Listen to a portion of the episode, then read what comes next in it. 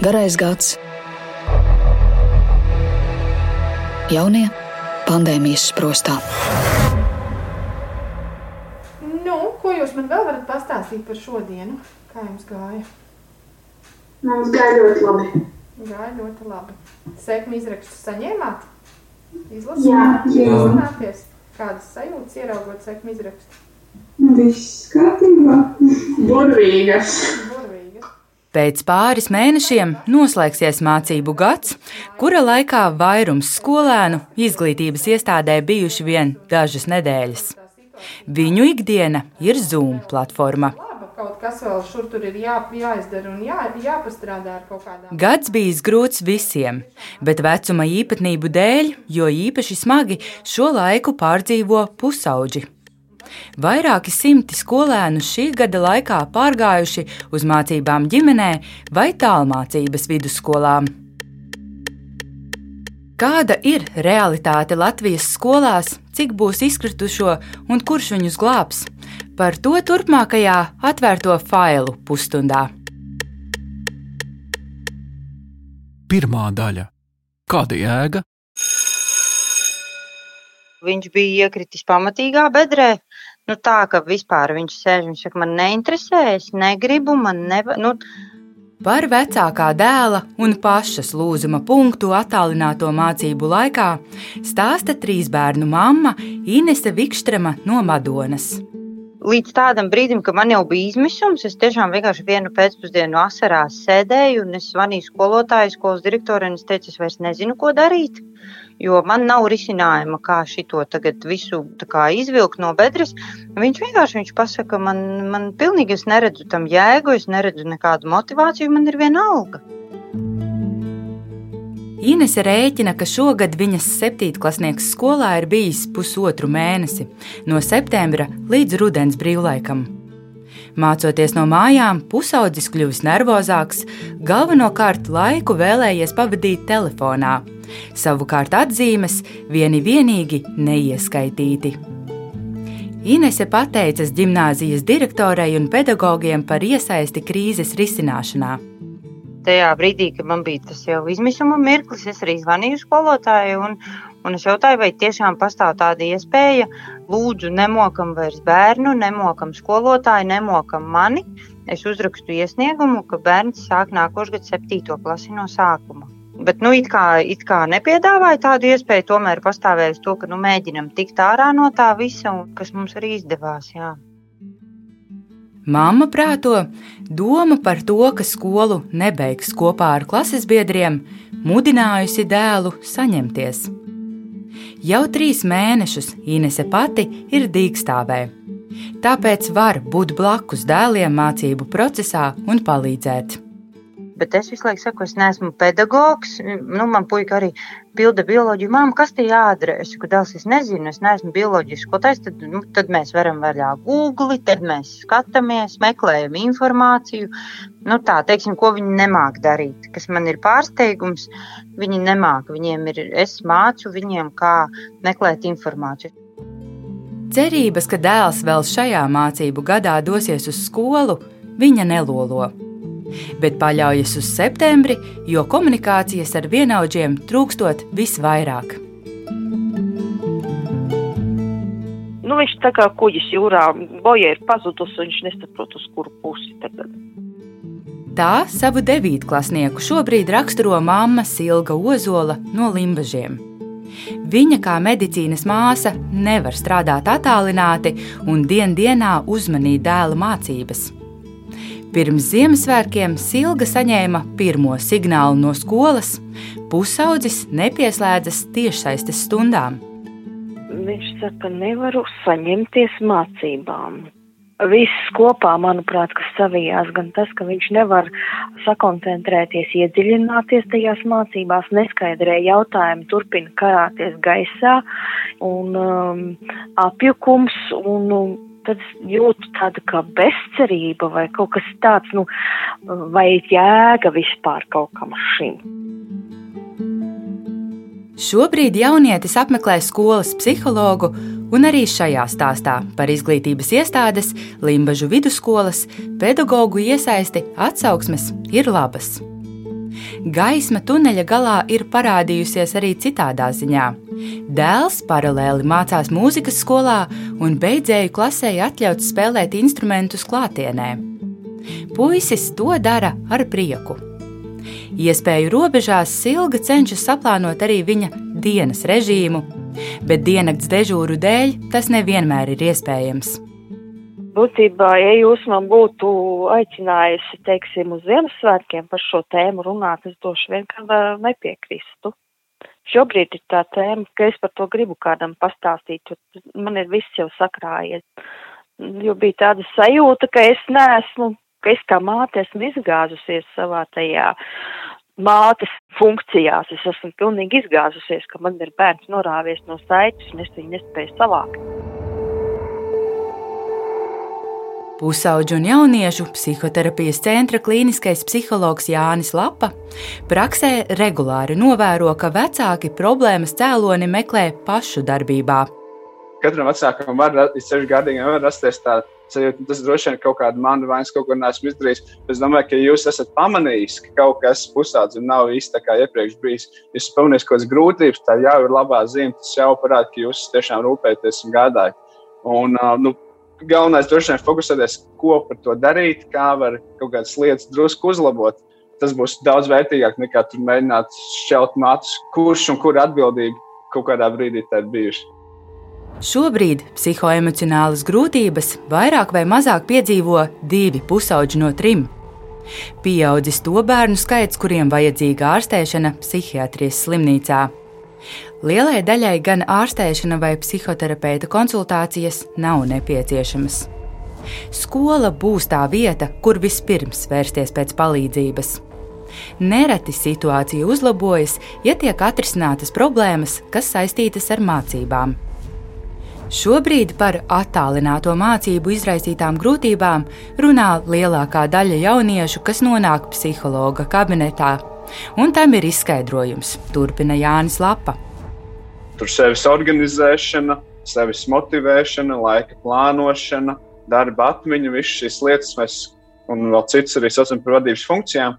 Un, uh, tipiski tās mums attīstās līdz 25, līdz pat 30 gadu vecumam, un tas ir saistīts ar pieres un frontālo vai pieres daļas attīstību, kas turpina attīstīties līdz pat tam vecumam.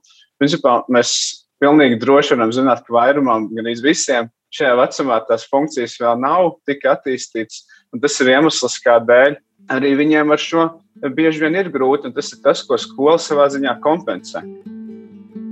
Tagad daļu no skolas funkcijām jāīsteno pašam skolēnam, labākajā gadījumā ar vecāku palīdzību. Motivācijas trūkums varētu būt izplatītākā problēma jauniešu vidū. Arī mūsu uzklausītajos stāstos parādījās vienots jautājums - kāda jēga? Uzņemot sešu pusauģiem, tas, kas ir jēdzīgs vai nav jēdzīgs, bieži ir saistīts ar socializēšanos un ar būšanu starp citiem. Respektīvi, bieži vien tā jēga ir kaut vai apskatīties un to starp salīdzināties eh, savā sekmēs, rezultātos, ne būšana starp citiem grupu darbos un tādās lietās. Tur arī tā jēga, tādā nu, normālā skolā, principā tā jēga ir pats par sevi. Tur nav īsti daudz jautājumu. Kā, bet šobrīd tieši tā, šie socializēšanās aspekti noņemt nost. Es viens pats tur kaut ko dirnu mājās pie sava datora, ko man tas vispār dod.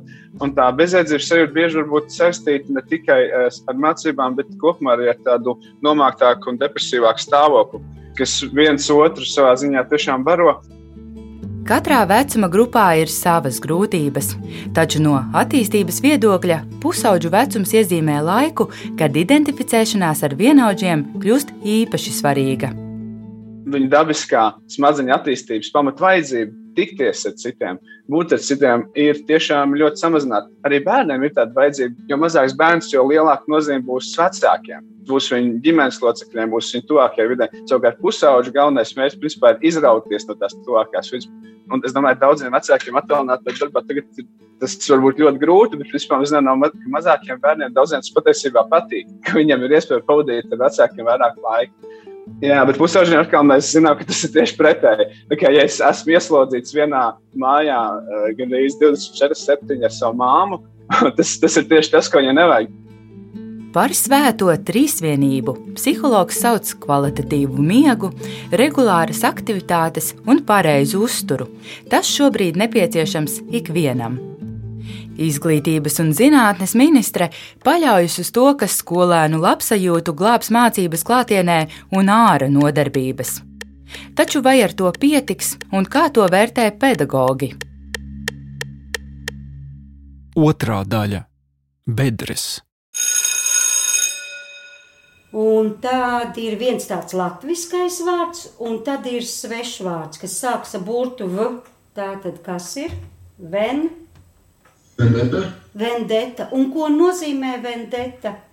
Asins atriebība. Tā, jā, tā tad liekam domzīmi. Tukšā mācību klasē pēcpusdienas literatūras stundu 12. attālināti vada Limbaģu valsts gimnāzijas skolotāja Velta Kalēja. Tā tad labi, tad, tad tas uh, otrais, ko mēs ierakstām, ģimenes gods. Skolas direktore un matemātikas skolotāja Gunta Lāce stāsta, ka katrā klasē ir viens vai divi skolēni, kuriem attālinātās mācības sagādā nopietnas emocionālas vai arī mācību problēmas. Šobrīd visvairāk mēs izjūtam tieši to vecākajās klasēs, ka Problēmas ir tiem bērniem, kuri sevi nespēja paši organizēt. Un viņi jau arī klātienē sevi vāji organizēja. Un tie ir uh, jaunieši, kas regulāri kavēja, kas jauca visādas lietas, bet klātienē vienmēr, nu, tomēr blakus ir tie pārējie, un blakus ir uh, skolotājs, un tad var redzēt, ka tas cilvēks kaut ko ir sajaucis, mēs viņu meklējam, mēs viņam zvanam. Šajā brīdī to ir eh, krietni grūtāk nokontrolēt, kas notiek. Un, un tad vienkārši šie jaunieši, nu, es to arī sauktu par tādu atkrišanu. Divi vidusskolēni šogad nolēmuši mācības gimnājā neturpināt. Vienā gadījumā puisis vienkārši ir sācis strādāt un uh, sapratis, ka viņu tas šobrīd uzrunā vairāk nekā klātienes mācības, nu, vai nu, mācības vidusskolā. Un viņš vienkārši ir pārgājis uz tālmācības vidusskolu. Otrā gadījumā puisis nu, saprata, ka viņš īsti sevi nespēja tam visam organizēt un izvēlējās nu, īstenībā vienkārši vieglāko ceļu. Ļoti ceru, ka viņam dzīve sakārtosies tālāk, bet uh, tā bija viņa paša izvēle. Viņš vienkārši šajā režīmā nolēma, ka viņš nemācās. Kopš februāra visās skolās ir atļautas individuālās klātienes konsultācijas skolēniem, kuriem vajadzīgs psihoemocionāls atbalsts, ir mācību grūtības un arī 12. klašu beidzējiem. Šie bērni nāk uz skolu no rīta, vairums no viņiem nāk uz skolu no rīta, sēž klasē. Mazajās klasēs ir tā, skolotājs priekšā pie sava datora vada tiešsaistes stundu visai klasē, un kādā trešajā solā sēž vēl viens bērniņš no tās pašas klases, kuram tad skolotāji ik pa laikam var pieiet klāt, paskatīties, viņam individuāli pievērsties, un šādā veidā mēs palīdzam tiem bērniem. Otra iespēja, ka bērns sēž citā klasē un viņa pieskatīšanai piesaistīts kāds no skolas personāla, kurš šobrīd ir mazāk noslogots ikdienas darbos. Ir arī pāris skolēnu, kuri nāk uz skolu, lai būtu vienatnē. Viņiem vieglāk esot mācīties skolas telpās, nevis mājās. Direktore nenoliedz, ka šādu iespēju noteikti vēlētos vairāk bērnu un arī viņu vecāki, bet skolas resursi gluži vienkārši jau ir izsmelti. Un varbūt tie pāris vidusskolas puiši, kas vienkārši sēž vientulībā klasē, lai būtu vieglāk koncentrēties, nu tādas telpas mēs vēl varētu dažas atrast, bet eh, pamatā jau tomēr ir vajadzīgs blakus cilvēks, kurš palīdz. Un šie cilvēki ir beigušies. Mums jau tā tad nāk palīgā jauniešu centra deju kolektīvu vadītājs, kuram šobrīd ir mazāk darba loģiski. Mums nāk palīgā jauniešu centra kapelas vadītāja Sandra un vienkārši tikai pieskata mazos un palīdz viņiem strādāt. Kopš lieldienām pašvaldībās ar zemu saslimstību klātienes mācības atļautas 1-6 klašu skolēniem, pēc rotācijas principa arī 7. un 11. klasēm. kad visā Latvijā vidusskolu absolventu klases, tātad 12. klases, varēs satikties divas reizes nedēļā konkrēti uh, eksāmena priekšmetos. Mācību gadu nolemts nepagarināt. 12. eksāmenus kārtos, 9. to vietā būs diagnosticējošie darbi. Limbažu valsts gimnāzijas direktore Gunta Lāce gan prognozē, ka skolotāji būs pielaidīgāki un retos gadījumos izliks nesekmīgus vērtējumus. Visticamāk, realitātē izkritušo nebūs tik daudz, cik būtu jābūt vadoties pēc zināšanu līmeņa. Bet lielajās klasēs pilnīgi noteikti ir šī bedre, Un mēs to zinām jau tāpēc, ka vienkārši mēs neesam paspējuši izdarīt visu, kas mums līdz šim brīdim būtu bijis jādara. Tad, kad eh, attālinātās mācības rudenī sākās, tad eh, ministrija nāca arī ar aicinājumu eh, mainīt tēmu secību un attālināti mācīt nu, to, ko attālināti var iemācīt, kaut kādas vieglākās lietas. Mēs to arī darījām bet tās vieglās lietas iet uz beigām. un, un šobrīd, protams, mums ir jāmāca viss. Un ir skaidrs, ka ir lietas, kas vienkārši paliek neizņemtas. Gan... Gunta Lāce gan uz situāciju raugās mierīgi. Ilgtermiņā bērniem noderīgākas būs vispārīgās prasmes, nevis specifiskas skolā iegūtas zināšanas. Un tāpēc mani nemaz tik ārkārtīgi neuztrauc, nu, ka tagad eh, devītie nezinās, kas ir virknes. Nu, viņi uzzinās vidusskolā, un ja arī tad neuzzinās, tad iespējams nodzīvos dzīvi bez tām virknēm gluži laimīgi. Tāpēc es par to tik ļoti neuztrauktos. Vairāk ir tas, ka šobrīd, manuprāt, palielinās tāda plaisa. Plaisa gan klases ietvaros starp tiem bērniem, kas tiek galā un tiem, kas netiek galā, un tā šķēra viennozīmīgi ir. Un tieši tāpat tā šķēra veidosies starp dažādu skolu bērniem. Izglītības un zinātnes ministre Ilga Šuplīnska norāda, ka mācību revīzija ir notikusi jau šī gada sākumā.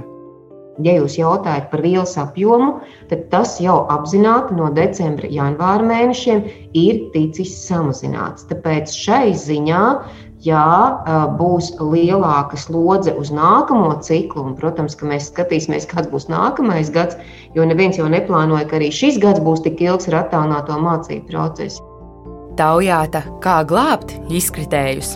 Šuplīnska norāda, ka pirmkārt tāda ir vienmēr, un tā ir katras skolas atbildība un rīcības brīvība, kādus atbalsta mehānismus izmantot.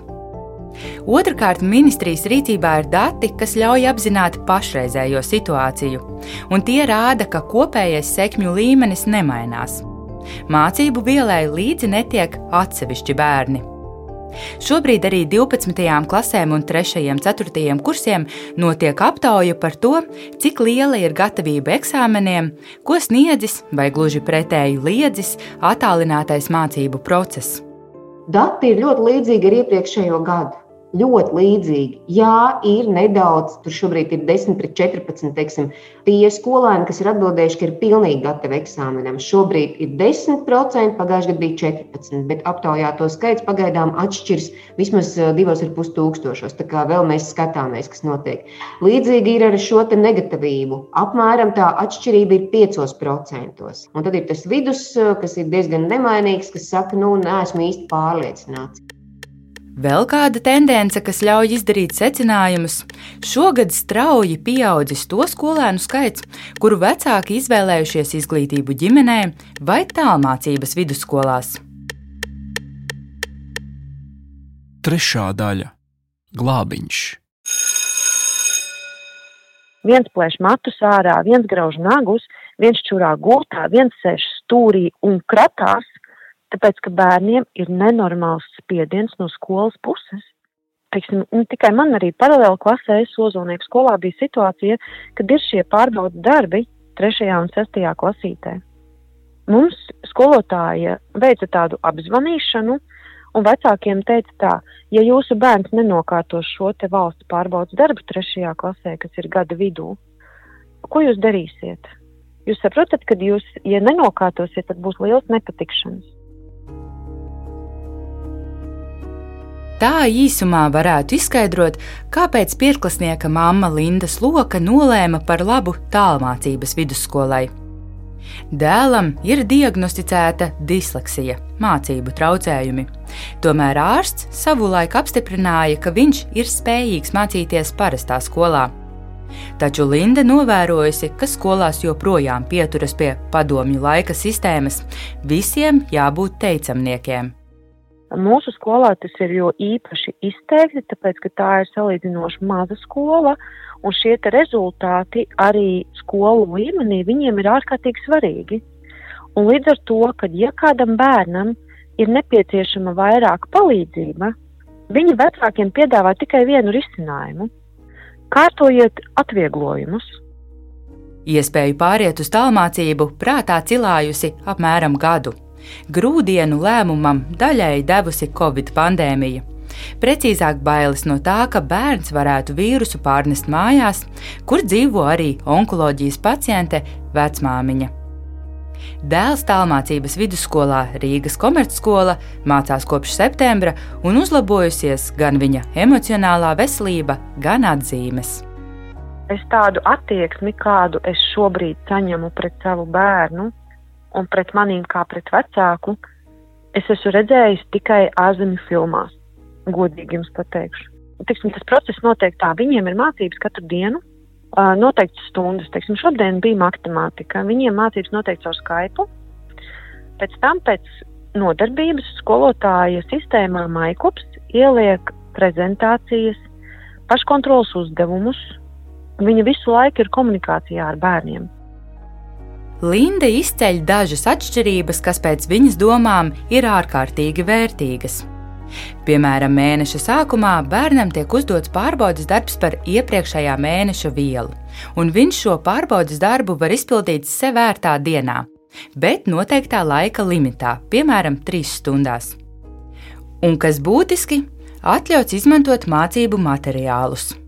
Tā tad var izmantot dažādas metodes.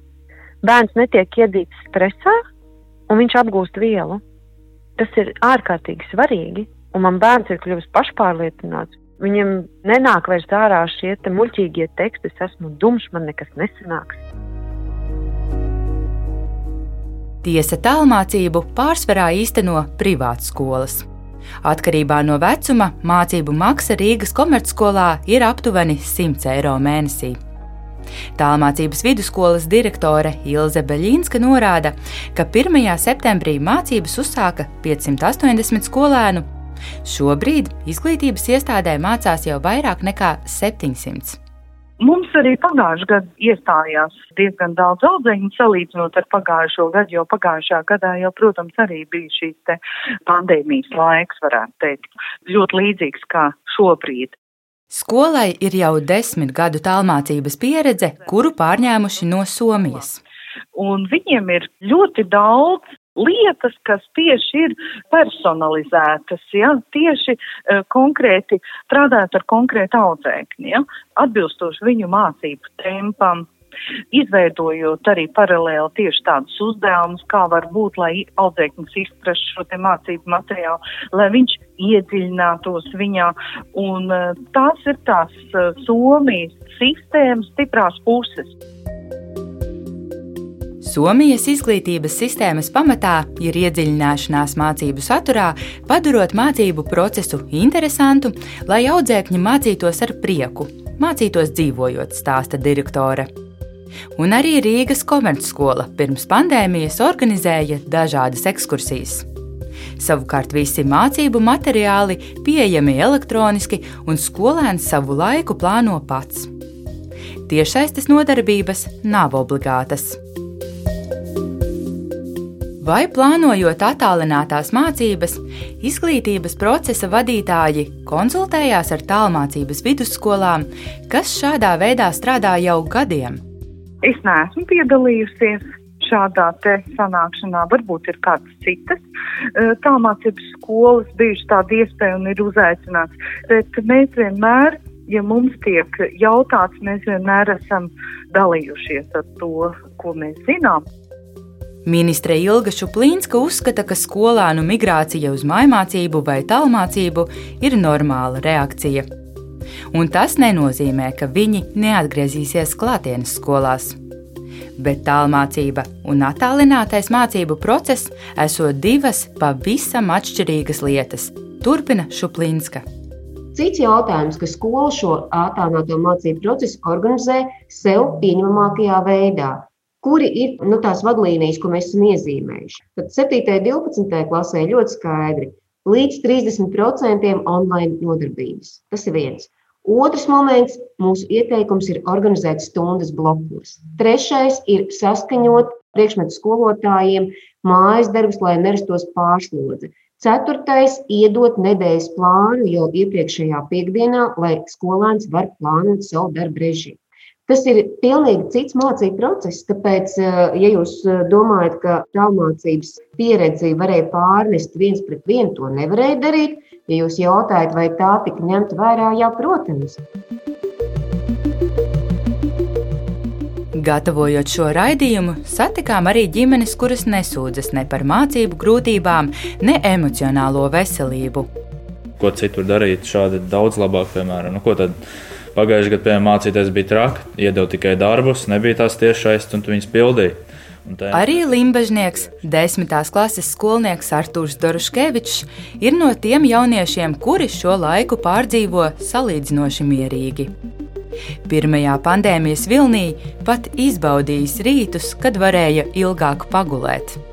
Es, piemēram, neko labāk nevarētu izdomāt, kā tagad ir. Nu, man nemācīties vispār, tas to neviens nepieļaut. Un otrkārt, tas, kad Man ir kā patīk mācīties, jo es tāpatās, pat cik neko baigi, baigi daudz šajā ziemas laikā nedaru. Man ir tā, ka es patīk izdarīt, kas ir jādara, un pēc tam man pašam ir mieres. Viņš gan atzīst, ka šobrīd jūtas nedaudz noguris un tam dēļ mazāk iemācās. Daļa pārbaudas darbu top kā kopdarbi ar citiem klases biedriem. Tas ir tā, ka mēs piemēram sazvanāmies pirms stundas vai pārbaudas laikā, tad pārunājam kaut ko, lai ne jau tā špiko viens otram saka priekšā, bet pārliecināmies, vai, pat, nu, vai ir pareizi uzrakstīts. Jo, kā jau teicu, neviens nevēlas labot māju mācībā. Tas ir sanāk pēc trījiem sēdēt vēl kādas divas, trīs stundas, vēl sanāk nu, seši, septiņi. Šobrīd Arthurs cenšas visu izdarīt pēc iespējas laicīgi, lai ātrāk varētu doties laukā no mājas. Siltajā laikā viņš stundām ilgi var braukāties ar skrituļdēli, tur arī smeļas prieku.